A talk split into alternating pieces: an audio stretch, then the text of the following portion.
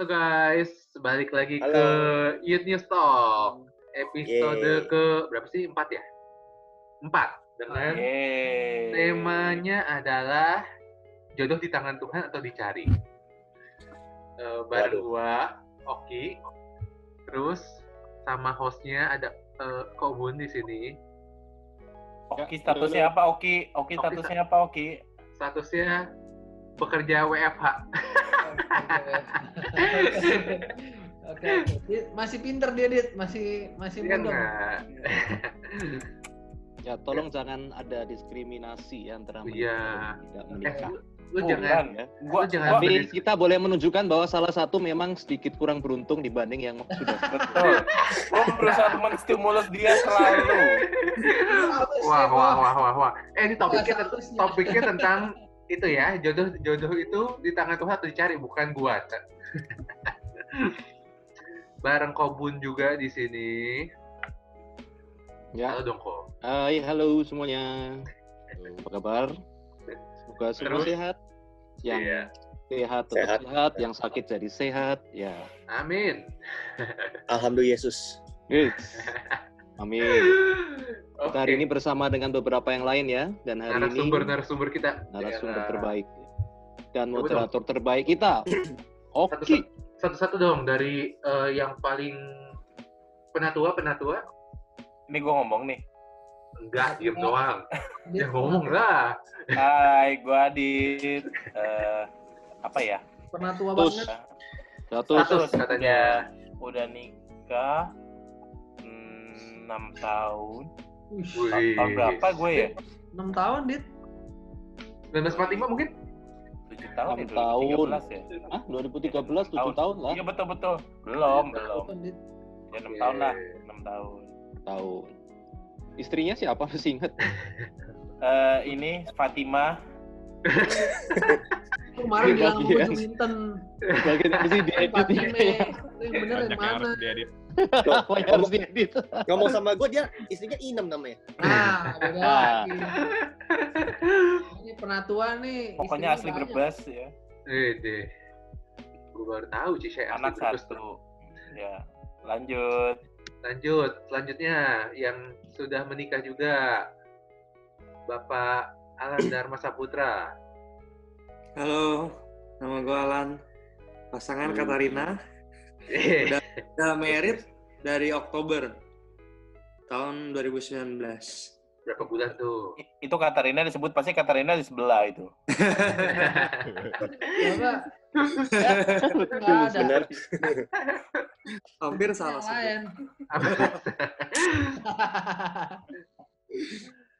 lanjut, lanjut. Yang masih fresh from the oven. Siapa tuh? Siapa tuh? Siapa, siapa tuh, siapa tuh? Tracy. Ya lu lah, Jo. Eh, semua tahu Kaget itu gue. Mario, bukan Karjo. Oh iya, ya. Eh, silakan, ya. silakan Bapak dok- lu ya. dokter gigi Mario. Iya. eh, halo semuanya, nama gue Mario. Asik. Ya, Mario Asik. Terus merit, menikah, anak belum punya. Eh, Menikah berapa lama, Jo? Kasih tau aja. Menikah baru dua bulan. 6 bulan ya, cepet ya. Baik, Udah. terus selanjutnya. Halo, Respect. perkenalkan semuanya. Eh, perkenalkan, gue Anthony. Eh, belum menikah, masih pacaran lah gitu. Iya. Eh, Doain aja guys. Iya. amin guys, amin guys. Amin. Selanjutnya, last but not least. Halo semuanya, gue Presi. Eh, statusnya akan menikah. Yes, bagus, bagus, bagus, bagus. Kapan? Kapan? Pasti bilang Kapan? dia berapa lama? Anaknya siapa, Pres? Anaknya siapa? Itu Apa? akan menyusul juga. Oke, jadi di sini kita bertujuh. Ya, mungkin agak rame sedikit ya dibanding podcast-podcast yang sebelumnya. Ya, coba didengerin lah ya, guys. Yuk, Kobun. Silakan, Kobun. Mulai dari mana, Kobun? Ya, Dari mana? kita mulai dari mana ya? Dari laptop. Dari laptop ya. Dari nol. Baik, bisa, bisa, bisa, bisa, bisa. Sekalian yang pasti menikah itu baik ya. Jadi teman-teman kalau menikah menyukai seseorang itu adalah sebuah hal yang baik menurut Alkitab gitu. Jadi jangan takut untuk menikah gitu. Apa yang punya panggilan untuk tidak menikah merasa lebih efektif kalau tidak menikah gitu ya. Juga tidak apa-apa tidak nikah ya asal memang sudah sungguh-sungguh gitu ya. Uh, jadi uh, ini adalah sebuah hal yang kita bersyukur ya Tuhan memberikan kita pasangan, tapi kalau kita memilih tidak menikah, itu juga kita harus tetap persembahkan hidup sama Tuhan. Nah, uh, ya kita tahu lah. Jadi kalau nikah ada hal-hal yang diperbolehkan ya, sudah menikah secara resmi ada yang diperbolehkan ya, dan kita bisa lebih dekat, jauh banyak hal. Kalau belum nikah ya tentu aja ada batasan-batasan yang tidak boleh, yang tidak boleh kita lampaui begitu untuk kebaikan bersama. Nah, nah eh, sekarang kita sih ada menerima beberapa pertanyaan begitu ya. Nah mungkin kita mau dengar ini pendapat-pendapat daripada kita sekalian gitu ya, sembari nanti kita juga melihat mungkinkah ada Eh, prinsip-prinsip uh, penting, bukan mungkin ya, eh, prinsip-prinsip uh, penting apa yang bisa kita dapatkan dari Alkitab dan bisa kita coba lakukan dalam kehidupan kita masing-masing gitu. Jadi kita akan coba tukar pikiran, tentu aja ada yang pikirannya jernih, ada yang pikirannya kalut juga pasti ya pendapatnya. Jadi ya nanti kita lihat sama-sama apa yang bisa kita pelajari bersama.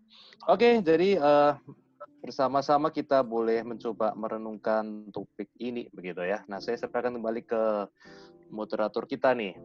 Uh, kita mau mulai dari mana nih?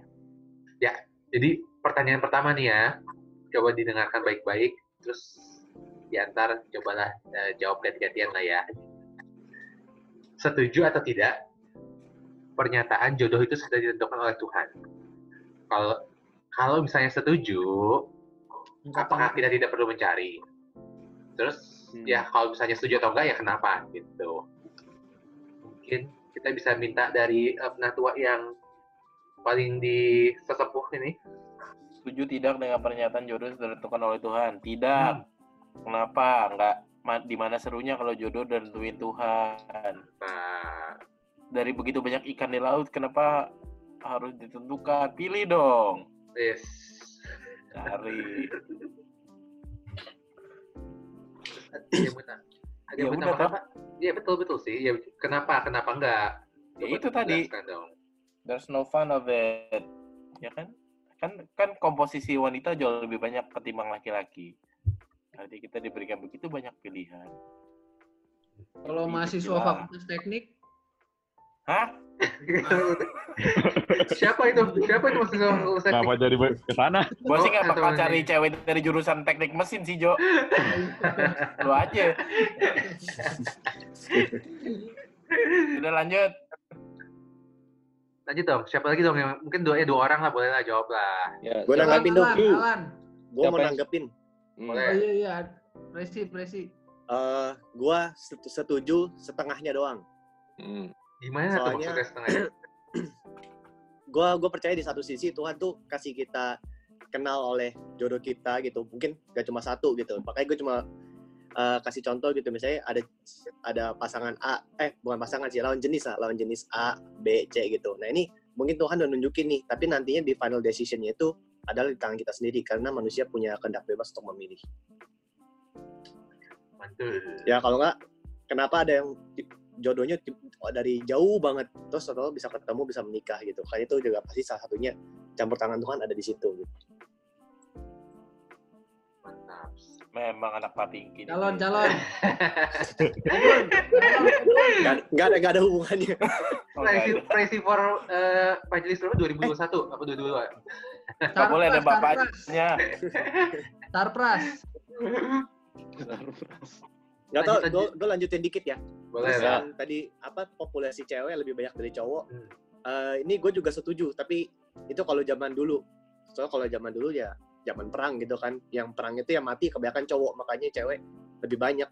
Gak tau ini ini ini logika gue aja gitu. kalau sekarang kayaknya sama deh. Kata siapa? Kata gue. ya mungkin yang lain ada yang menanggepin? Gue, setuju kalau jodoh tuh di tangan Tuhan. Nah, Crazy tadi setengah-setengah Jo. Lu gimana dong Jo? Oh gitu. Ya Jo. Jodoh itu di tangan Tuhan. Uh. kita dikasih free will buat memilih. Jadi karena free will itu di tangan Tuhan apa di tangan kita? Eh, tetap di tangan Tuhan. Will itu Free wanita will di zaman tangan kita lain, dong. Jo. Jodoh itu di tangan Tuhan, cuman free will itu dikasih ke, ke kita buat milih. Iya. Lu, Cuma kalau kita disodorin makanan tapi kita nggak ambil kan? peka nggak sama pang- sama Tuhan, deket nggak lu sama Tuhan? Kalau lu nggak deket, mau dikasih jodoh lima biji juga kagak ketemu. Baik amat Tuhan dikasih lima. Iya. Coba Kobun mungkin tanggapan atau eh, atau pembenarannya Apa? seperti apa Kobun? Kan mungkin kita- ini kan kita kita yang Mm-mm. agak eh, awam dan agak berantakan ya ngomongnya ya. Jadi Iya. mungkin dari sisi Alkitabnya seperti apa kok? Jawaban jawaban teologis saya ya. Jadi kita lihat ya. Jadi jawaban ini memang mungkin betul seperti yang dibilang sama si beberapa tadi ya. Mungkin ada beberapa sisi nih. Jadi sisi pertama ada nggak jodoh yang ditentukan? Ada. Tahu dari mana baca Alkitab ya? Anak Abraham dapatnya Ishak, dapatnya jodoh gimana? Tuhan bilang lu suruh hamba kamu pergi ke sana nanti ada yang ambilin air minum apa unta kamu nah itu Nah, kan ditetepin berarti udah kan Nah, kemudian ada beberapa tokoh kayak Simpson kalau Anda mau baca dia jatuh cinta pada perempuan Kanaan Alkitab juga bilang itu sudah ditentukan Allah. Kenapa? Karena dengan dia nikah sama perempuan Filistin dia baru tahu orang Filistin licik baru dia kemudian melawan orang Filistin yang menjajah Israel. Tuhan ada maksud di situ. Nah, kemudian ada beberapa contoh lagi kan Hosea dan sebagainya. Jadi ada yang ditentukan Allah gitu.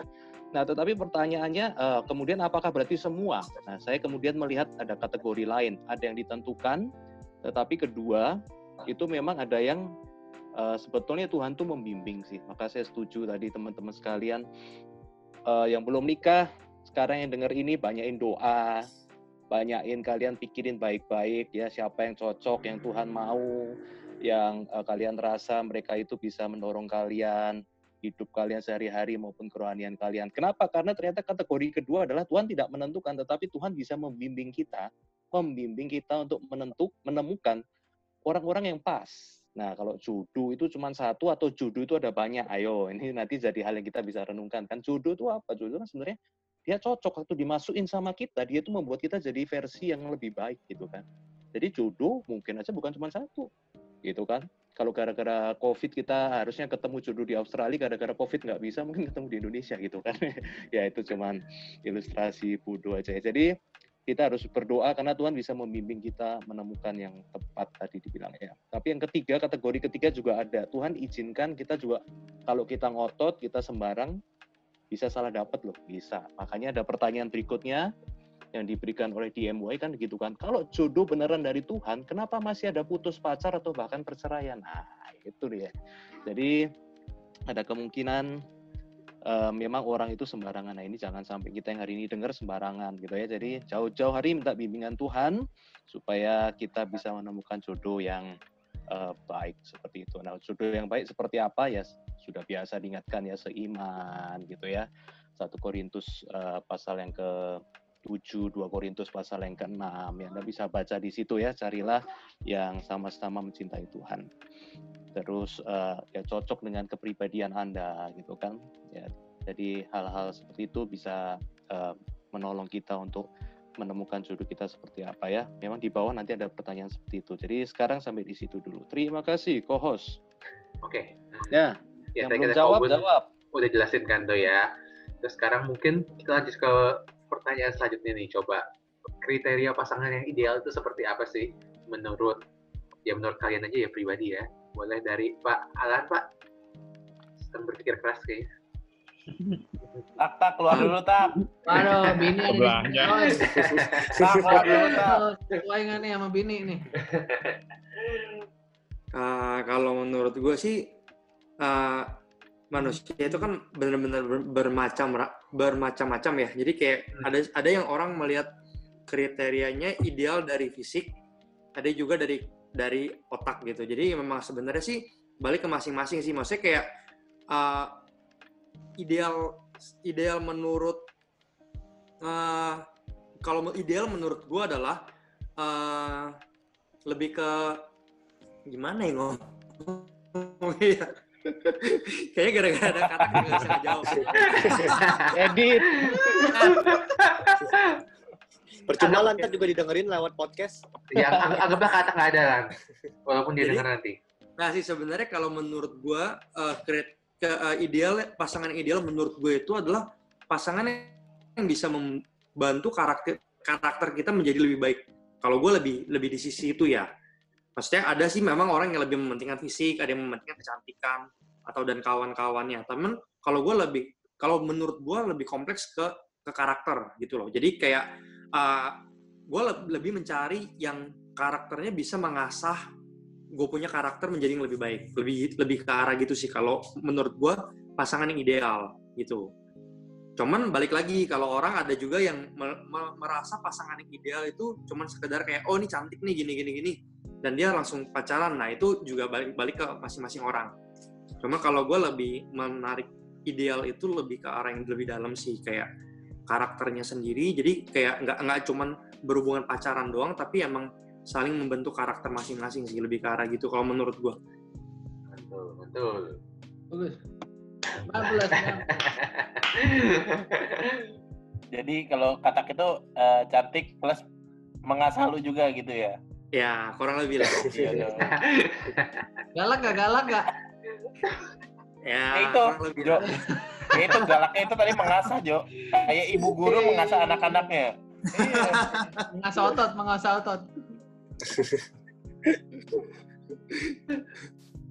oke mungkin ada dari sisi yang lain mungkin yang mau memberikan pendapatnya mungkin dari sisi Pak Antoni gimana Pak Hmm, kalau gua sih paling lihat dari ada dua sih, maksudnya yang Alan jelasin karakter atau uh, bisa menumbuhkan karakter dan juga ini juga uh, fisik bagaimana kayak ketertarikan secara fisik lah gitu. Kita bisa uh, pasangan itu orang yang nggak cuma dari karakter tapi juga kita bisa uh, bersemangat melihat dia bisa uh, istilahnya um, pengen gitu deket sama dia gitu. Jadi dari situ juga itu penting sih dan tentunya ya seiman dan emang bisa membuat kita juga bertumbuh di dalam Tuhan gitu sih. Kamu mungkin menambahin ya kok? Untuk poin yang ini poin yang ini ya. Kri- kriteria pasangan yang ideal. Kita ringkaskan. Jadi dari fisik ya, kita harapkan tentu aja eh, kriterianya itu beda jenis kelamin ya. itu sekarang lebih menjelaskan harapan terdalam dari Tuhan gitu ya. itu fisik ya, mental setuju ya, karakter itu penting, kecocokan komunikasi Iya. kan ya itu penting tuh tipenya ya Eh, cerewet sama cerewet, cerewet sama diem apa ya.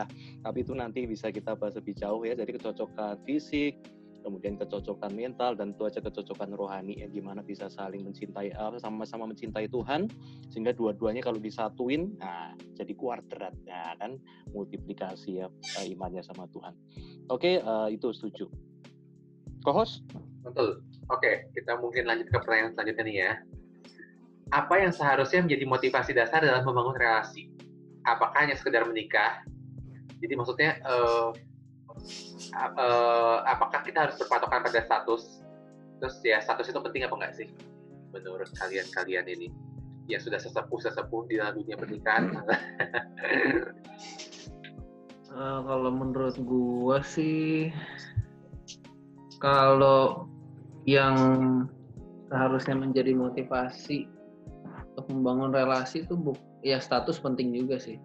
Cuman lebih ke kita kan sebagai manusia nggak bisa hidup sendiri dan kalau temen sahabat itu kan beda sama istri jadi kalau dasar yang untuk jadi motivasi kita dalam membangun relasi itu menurut gue lebih ke kebutuhan sih.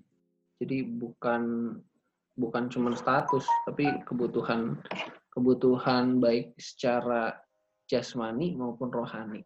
Kita menaati firman Tuhan untuk hidup berpasangan. tapi status penting berarti ya Status nomor dua. baik mungkin ada yang nanggepin nggak nanggepin nggak Kalau kita orang Asia sih ya penting gitu. Memang kalau budaya Asia kan eh, ya status itu penting banget. Itu kan memberikan kejelasan baik untuk si uh, pria maupun wanita gitu kan terus memberikan juga legalitas hukum gitu yang diakui sama negara untuk uh, hidup bersama gitu kan. Ya tapi memang kalau gaya barat buat mereka mungkin status itu hal yang kesekian lah gitu. Jadi sebenarnya status ya penting. Iya. Ada menang nggak? Mungkin yang lain? Kalau menurut gue sih lebih ke arah kan apa yang seharusnya menjadi motivasi dasar dalam membangun relasi? Hmm. Kan ya yang kayak Karjo bilang kita kan emang hidup harus berdampingan kan? Hmm. jadi emang kita kan harus menentukan partner hidup kita dari awal sampai akhir. Dan pasti ya emang di firman Tuhan juga bilang kita juga harus beranak cucu kan?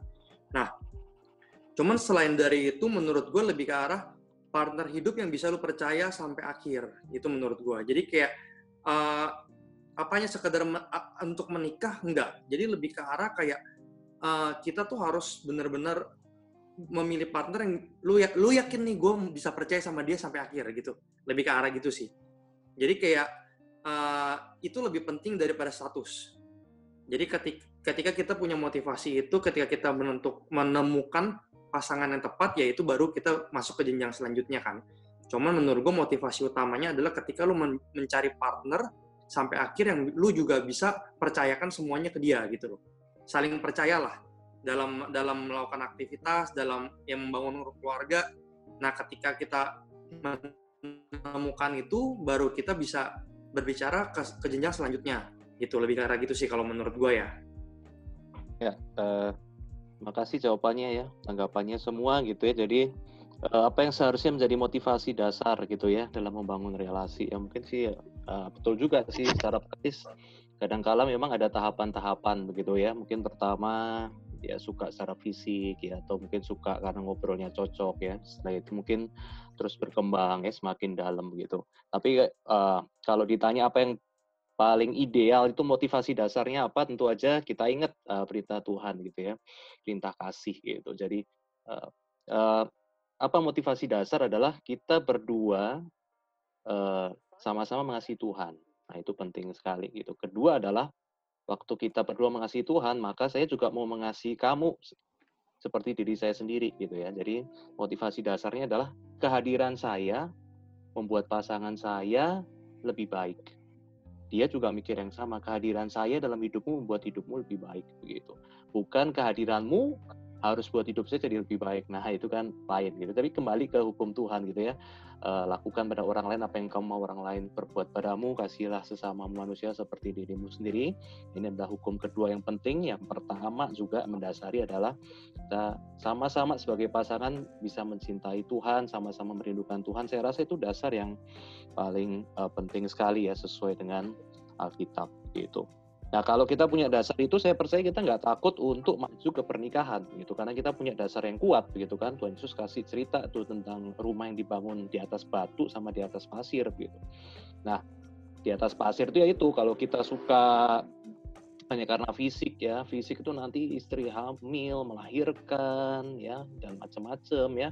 Suami dulu six pack ya setelah kerja keras untuk bayarin apa kredit rumah perutnya mulai jadi satu pack gitu kan terus rambut mulai rontok gitu kan. Nah nah itu kan jadi sebuah hal yang mau tidak mau uh, terjadi gitu ya. Uh, mungkin tuh saya maksudnya gitu. Ya ya oke. Okay. uh, jadi uh, tapi kalau kita membangun di atas dasar yang kokoh batu ya memang kita bisa terus ke pernikahan bahkan sampai kita tahu janji nikah sampai kepada kematian. Ya harusnya status sih tidak menakutkan begitu ya. Uh, yang sangat penting sekali tadi dikatakan uh, oleh penatua Adit gitu sih. Jadi salah satu kalau kita sering lihat di film dan sebagainya, uh, kenapa sih cerai? Karena saya tidak bahagia, gitu kan. Nah idealnya kalau Alkitab bilang kan uh, sebenarnya lu nikah bukan untuk buat diri bahagia, tapi lu buat pasangan tuh bahagia dan pasangan tuh juga mau membahagiakan kamu, gitu kan. Nah jadi itu adalah uh, sebetulnya idealnya daripada Alkitab gitu ya, bukan start itu dengan uh, saya begitu ya saya gitu. Nah, jadi ini adalah hal yang um, tanggapan saya yang bisa saya sampaikan ya berlandaskan Alkitab ya. Kohos. Mungkin gua agak jauh nih loncatnya yang pertanyaannya, tapi yang masih berkaitan lah ya, saja supaya lebih ngobrol jadi. Sekarang pertanyaannya ya, uh, apakah jodoh dari Tuhan itu udah pasti seiman dengan kita? Pasti seiman atau enggak? Menurut uh, bapak-bapak yang ada di sini, coba uh, coba Pak, dari Presi Pres. Hmm, pertanyaannya sedap-sedap penjebak nih. Jadi, jadi pernah sama agama apa aja, Pres? Agamanya lain, tapi Tuhannya sama. Oh. Kan nggak boleh sebut merek ya. Iya iya betul. Apa ya? Kalau gue jawab ya nggak deh, nggak harus nggak harus agama. Bisa dijelasin? eh ya siapa tahu itu misinya kita buat bikin dia jadi percaya, ya nggak? Nggak tahu nih gue hmm, jawaban gue nih nggak tahu sih. Gue nggak tahu jawaban ini benar apa salah.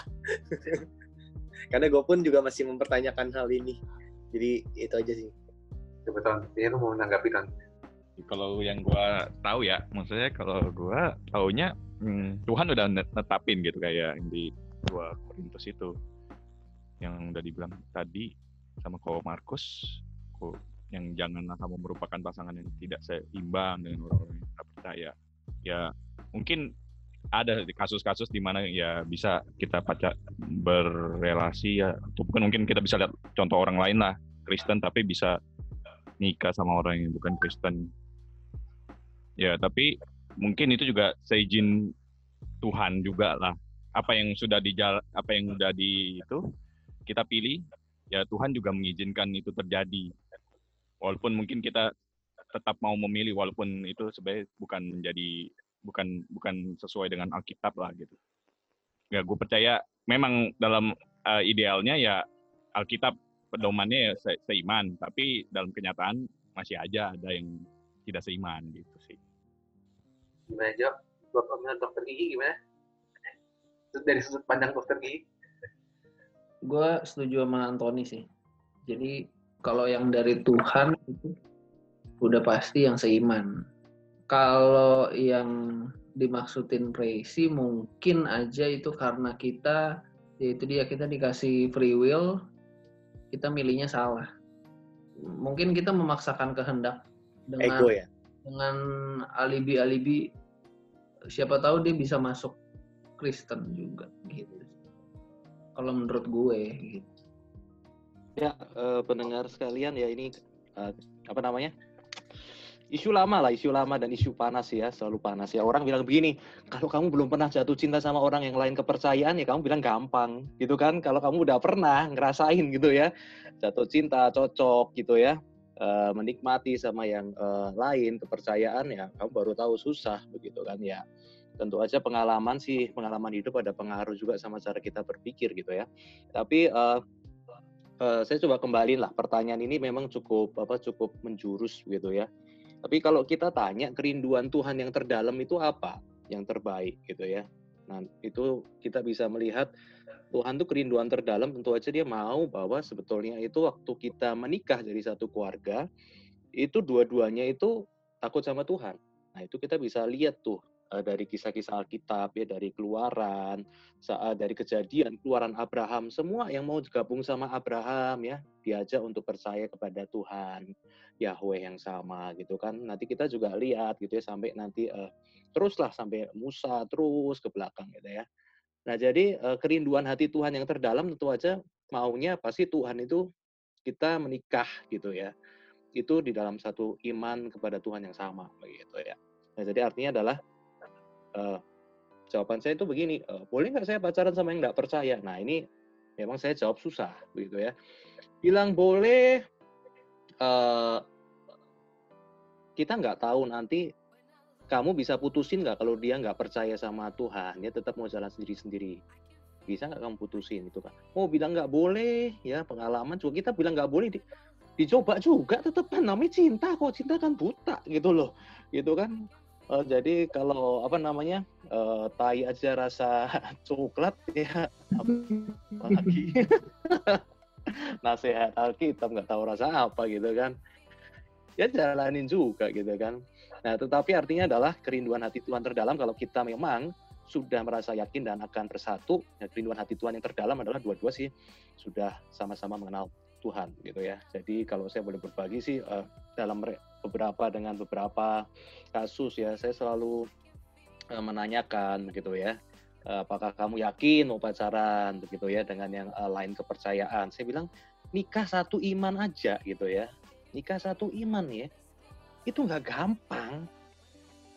Kita cara kita mau beresin masalah, kita lihat cara duit itu kita butuh berapa banyak duit, cara kerja kita bener kayak apa, ngomong kita kalau sama pasangan kita kayak apa, itu aja bisa jadi ribut, bisa jadi masalah. Itu pun satu iman, sama-sama mau berdoa minta tolong Tuhan, kita masih bisa ribut. Jadi bisa bayangkan nggak kalau percayanya beda, doanya beda, e, bacaannya, sikap moralnya, apa yang baik, apa yang benar beda, wah jadi bisa bayangkan lebih sulit sebenarnya begitu ya.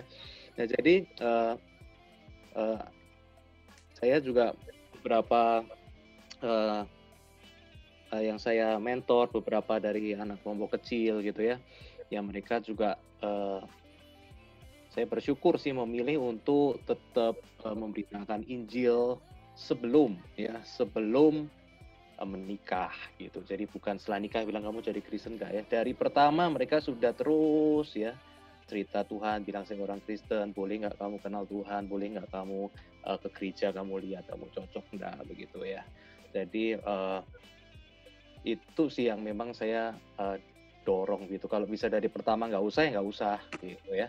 Cariin deh yang lain apa yang uh, seiman supaya nggak masalah. Tapi kalau udah memang mau coba atau saya terlambat tahu ya sudah pacaran dulu ya saya dorong untuk tetap mementingkan Tuhan di atas uh, segalanya ya. Jadi ada nggak yang setelah menikah bisa percaya sama Tuhan? Ada gitu ya. Jadi uh, itu sih mungkin terjadi gitu ya nah tapi akhirnya adalah eh, pendengar sekalian sih makanya banyak-banyak doa lah sebelum pacaran gitu ya sebelum ketemu yang cocok banyakin doa gitu supaya Eh, Tuhan kasih jalan yang terbaik buat kita semua sih gitu.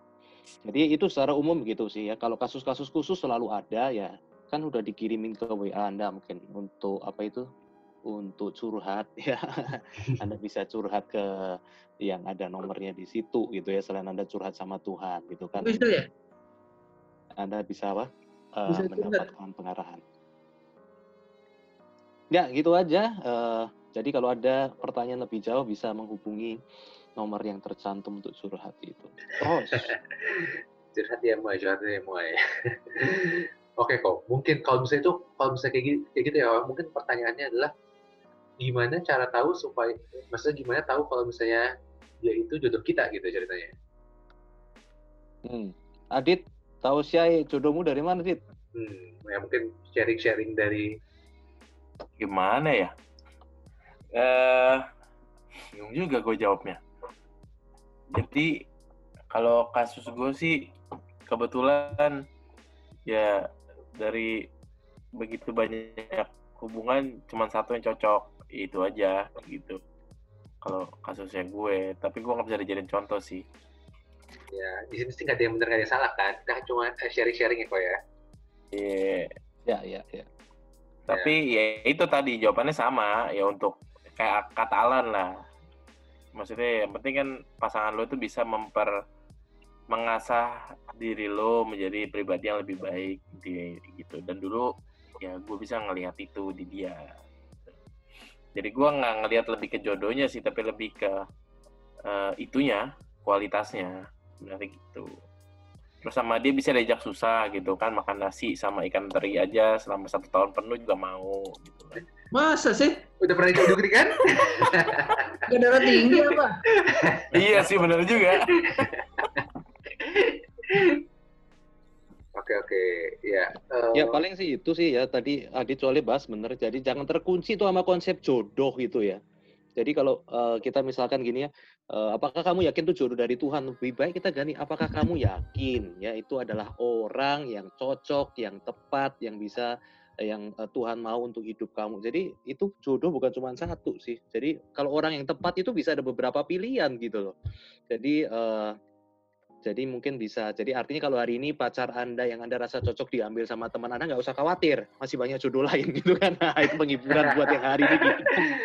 Oh iya ya. Jadi mungkin itu pilihan buat uh, pilihan jodoh buat orang lain, pilihan jodoh buat kita juga gitu ya kak ya? Mungkin yang ngambil jodoh kita nggak cocok, jadi kena kutukan dia. Kita dapat Nggak usah khawatir. Ingat Roma 828. Tuhan turut Amin, amin, amin, segala amin. sesuatu untuk mendatangkan kebaikan. Oke oke. Mungkin ya kalau eh, next ke pertanyaan selanjutnya nih. Eh, gimana cara libatin Tuhan dalam hubungan? Eh, dalam suatu hubungan gimana kita eh, ya peran andil Tuhan itu seperti apa sih yang gimana kita supaya ya bisa melibatkan Tuhan gitu lewat hubungan kita. Gim- eh, pertanyaannya eh, yang berapa? Sorry. Eh, pertanyaannya adalah gimana caranya? Libatin Tuhan dalam hubungan ya. Ya betul. Oke. Eh, kalau gue sih lebih ngerasa kan kalau misalkan dalam menjalin hubungan sama pasangan itu kan pasti kan kayak nggak nggak akan semuanya mulus-mulus saja kan. Pasti ada ini itulah problemnya. Nah, cuman kan ketika eh, jangan ke, eh, masih kayak lebih ke arah kayak kalau misalkan kayak kita senang, kita bersyukur sama Tuhan. Oh iya, gue dikasih sama Tuhan pasangan yang baik nih yang mau mengerti sama gue gitu kan. Cuman kalau ketika ibarat kata emang lagi lagi nggak mulus nih. Nah, cuman eh, kita harusnya kalau menurut gue lebih ke arah kayak kita juga tetap mendoakan hubungan itu gitu loh. Jadi kayak eh, jangan karena ketika mulus kita bersyukur sama Tuhan, tapi ketika tidak mulus kita langsung menganggap ah ini bukan jodoh gua gitu loh. Jadi lebih ke arah kita mendoakan hubungan ini, masih kayak kita juga benar-benar tanya Tuhan, mesti emang ini bener gak pasangan yang Tuhan kasih ke gua, ya kan? Dan kalau misalkan kayak kalau memang yang bener Tuhan kasih kan pasti kan akan ada uh, pertumbuhan rohani sih kalau menurut gue ya. Jadi kayak kita juga tetap uh, parameternya lebih ke arah kalau misalkan kita berhubungan sama uh, orang ini, apakah kita lebih dekat sama Tuhan atau makin menjauh sama Tuhan gitu loh. Lebih ke arah gitu sih. Jadi kalau uh, kalau misalkan kayak setiap kali ada problem, setiap kali ada uh, cekcok segala macam, ya kita minta Tuhan bantu gitu loh.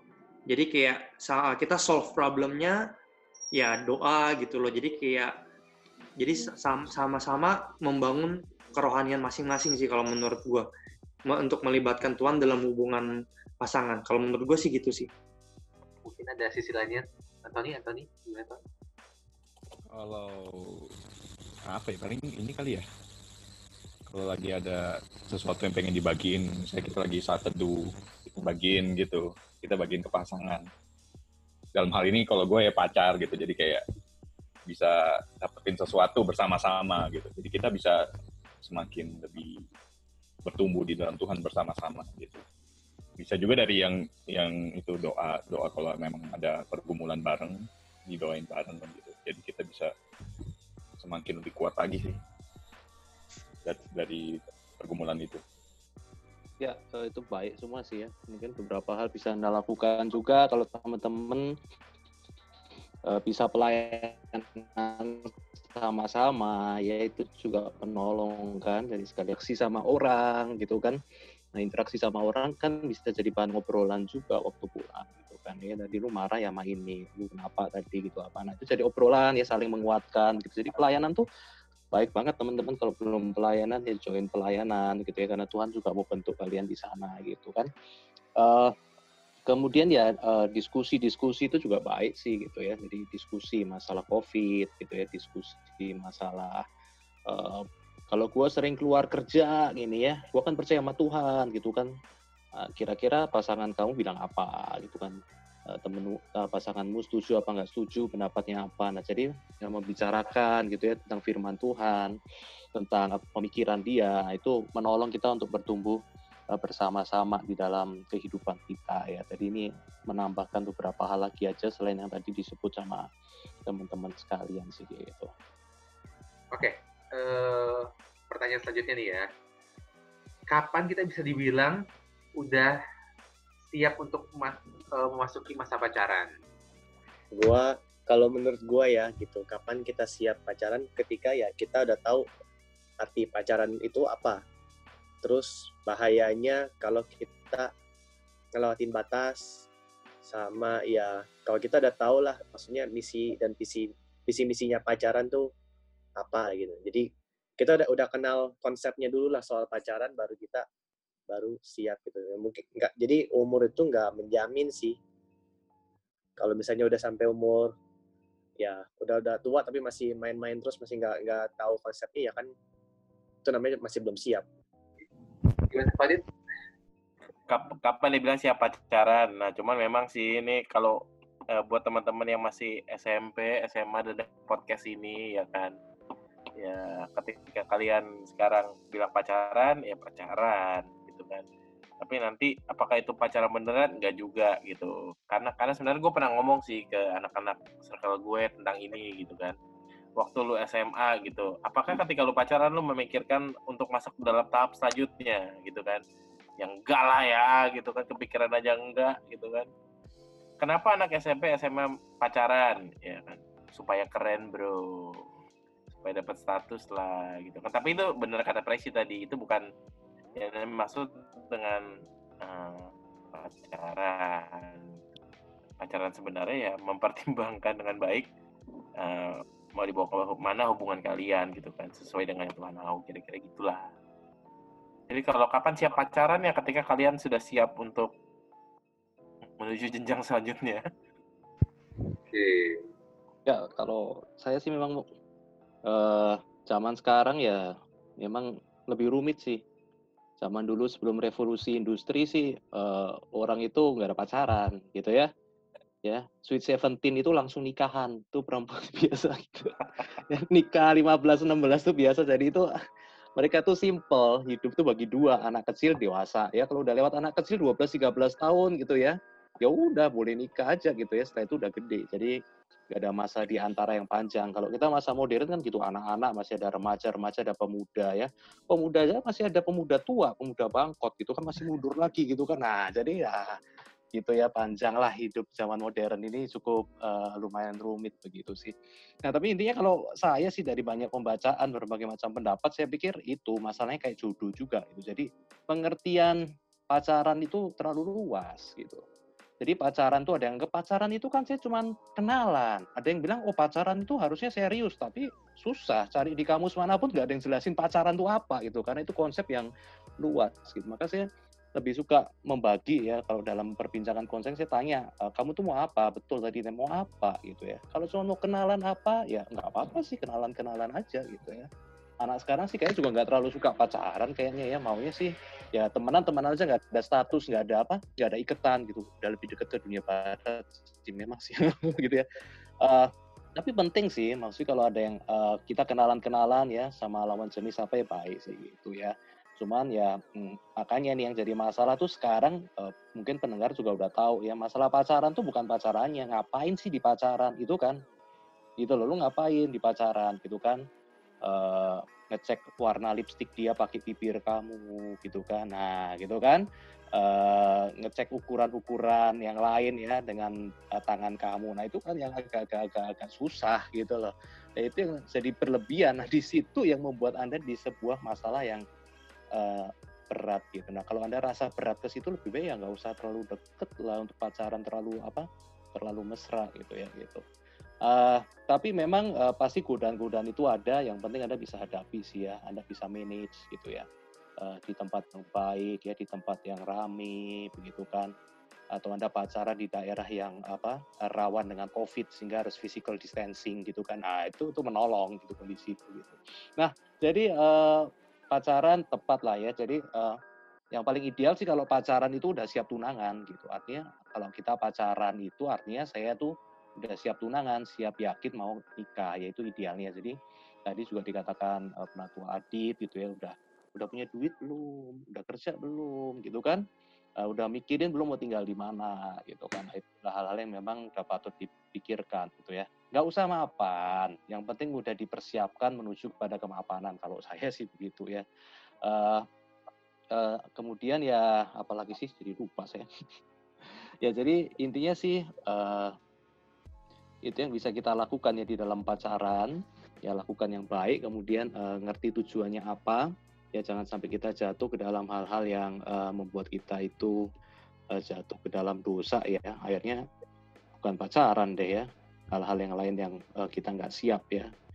Uh, menikah sebelum waktunya dan sebagai kehamilan uh, sebelum waktunya dan sebagainya begitu. Uh, oke okay, jadi sih gitu ya. Jadi simpulannya adalah kesiapan masing-masing ya ada sedikit perbedaan. Ya mungkin usianya dan kondisinya ya tapi intinya sama ya bedakan uh, pacaran itu sebagai kenalan boleh kenalan boleh ngerti supaya ngerti cewek kayak apa cowok kayak apa boleh kenalan tapi kenali batasan-batasannya. Kemudian yang kedua ya pacaran yang uh, menuju ketunangan. Artinya anda waktu udah pacaran udah mikir nih gue siap untuk uh, komitmen sama dia gitu ya. Kalau nggak cocok ya bisa tapi kalau cocok gue mesti siap-siap nih nikah. Jadi gue juga udah kerja baik ya gue udah uh, udah seriusan nih gitu ya kenalin orang tuanya gitu kan dan sebagainya gitu. Nah kemudian ya tahapan terakhir ya, ya menikah gitu ya. Ya kurang lebih gitu. Saya serahkan kembali ke host. Iya mungkin sih uh, ada tanggapan dari yang lainnya sebelum kita menutup sesi podcast kita di malam ini ya malam ini padahal dengerin bisa siang bisa pagi ya Oke, okay, uh, eh, ya uh, saya uh, akan konklusikan gitu ya. Jadi berkaitan dengan tema kita gitu ya. Jadi uh, jodoh itu apakah ditentukan Tuhan ya? Saya mengarahkan kita untuk berpikir gitu ya bahwa uh, jodoh itu adalah uh, jangan terlalu pikir gini bahwa jodoh itu satu sama satu gitu ya. Jadi saya percaya bahwa sebetulnya di dunia ini banyak orang yang bisa cocok sih sama kita ya. Jadi jodoh itu artinya adalah orang yang memenuhi akan uh, standar yang Tuhan mau buat kita gitu. Jadi dia mengasihi Tuhan, kasihlah Tuhan Allahmu, dia mengasihi Tuhan dan dia mau mengasihi kita. Begitu bukan mengasihi harta kita atau mengasihi muka kita ya, tapi mengasihi kita gitu dan seperti dia mengasihi diri dia sendiri. Jadi uh, carilah orang yang seperti itu ya di dalam kehidupan Anda. Kemudian yang uh, terakhir ya dalam hal ini saya juga kutip 1 Korintus 6 ayat 12 ya segala sesuatu halal bagiku tetapi bukan semuanya berguna segala sesuatu halal bagiku, tetapi aku tidak membiarkan diriku diperhamba oleh suatu apa pun. Gitu ya. Jadi dalam hal uh, begini ya, kita boleh kenalan sama siapa orang nggak apa-apa gitu ya. Uh, tetapi nggak segala sesuatu berguna gitu ya. Uh, kalau kita main-main gitu ya ke tempat yang salah, ke orang yang salah gitu ya, kita mencoba melakukan hal-hal yang salah di dalam pacaran dan sebagainya, uh, hati-hati itu bisa nggak berguna gitu ya. Uh, itu bisa menjadi sesuatu yang malah membuat kita akhirnya di sini diperhamba gitu. Makanya walaupun banyak hal kita bisa lakukan sebagai anak muda ya di Jakarta dengan uh, mungkin kekayaan Anda, Anda bisa coba segala sesuatu, tetapi biarlah walaupun Anda bisa lakukan, Anda pilih tidak lakukan buat Tuhan. Kenapa? Karena Anda tahu kalau saya lakukan yang salah dalam pacaran, dalam mencari pasangan sembarangan, nah, itu tidak baik, tidak berguna buat saya, tidak memuliakan Tuhan. Gitu ya. Jadi lebih baik uh, relakan itu, korbankan itu Anda tidak lakukan, uh, tetapi Anda bisa uh, memuliakan Tuhan gitu ya. Jadi kurang lebih itu penutup uh, daripada saya. Uh, untuk saudara-saudara sekalian yang masih kurang jelas ya bisa mengontak nomor di curhat ya silakan tanya di situ ya termasuk kalau anda belum punya jodoh sampai sekarang gitu ya minta tolong dicarikan juga gitu ya. Oke, kemudian uh, ya saya berdoa untuk yang terbaik buat uh, Anda sekalian dan bisa terus bertumbuh ya di komunitas Anda, di kelompok-kelompok kecil Anda ya dan kiranya uh, Tuhan selalu bersama dengan Anda sekalian. Terima kasih. Oke, okay, thank you buat uh, kehadiran Ko Adit, Alan, Anthony, Tracy, sama Karjo sebagai narasumber di kali ini. Ya kita ketemu lagi di podcast apa Youth News apa sih Youth News Talk ya namanya? Youth News Talk selanjutnya. Dah. Terima kasih Oki, terima kasih Oki. Bye. Thank you.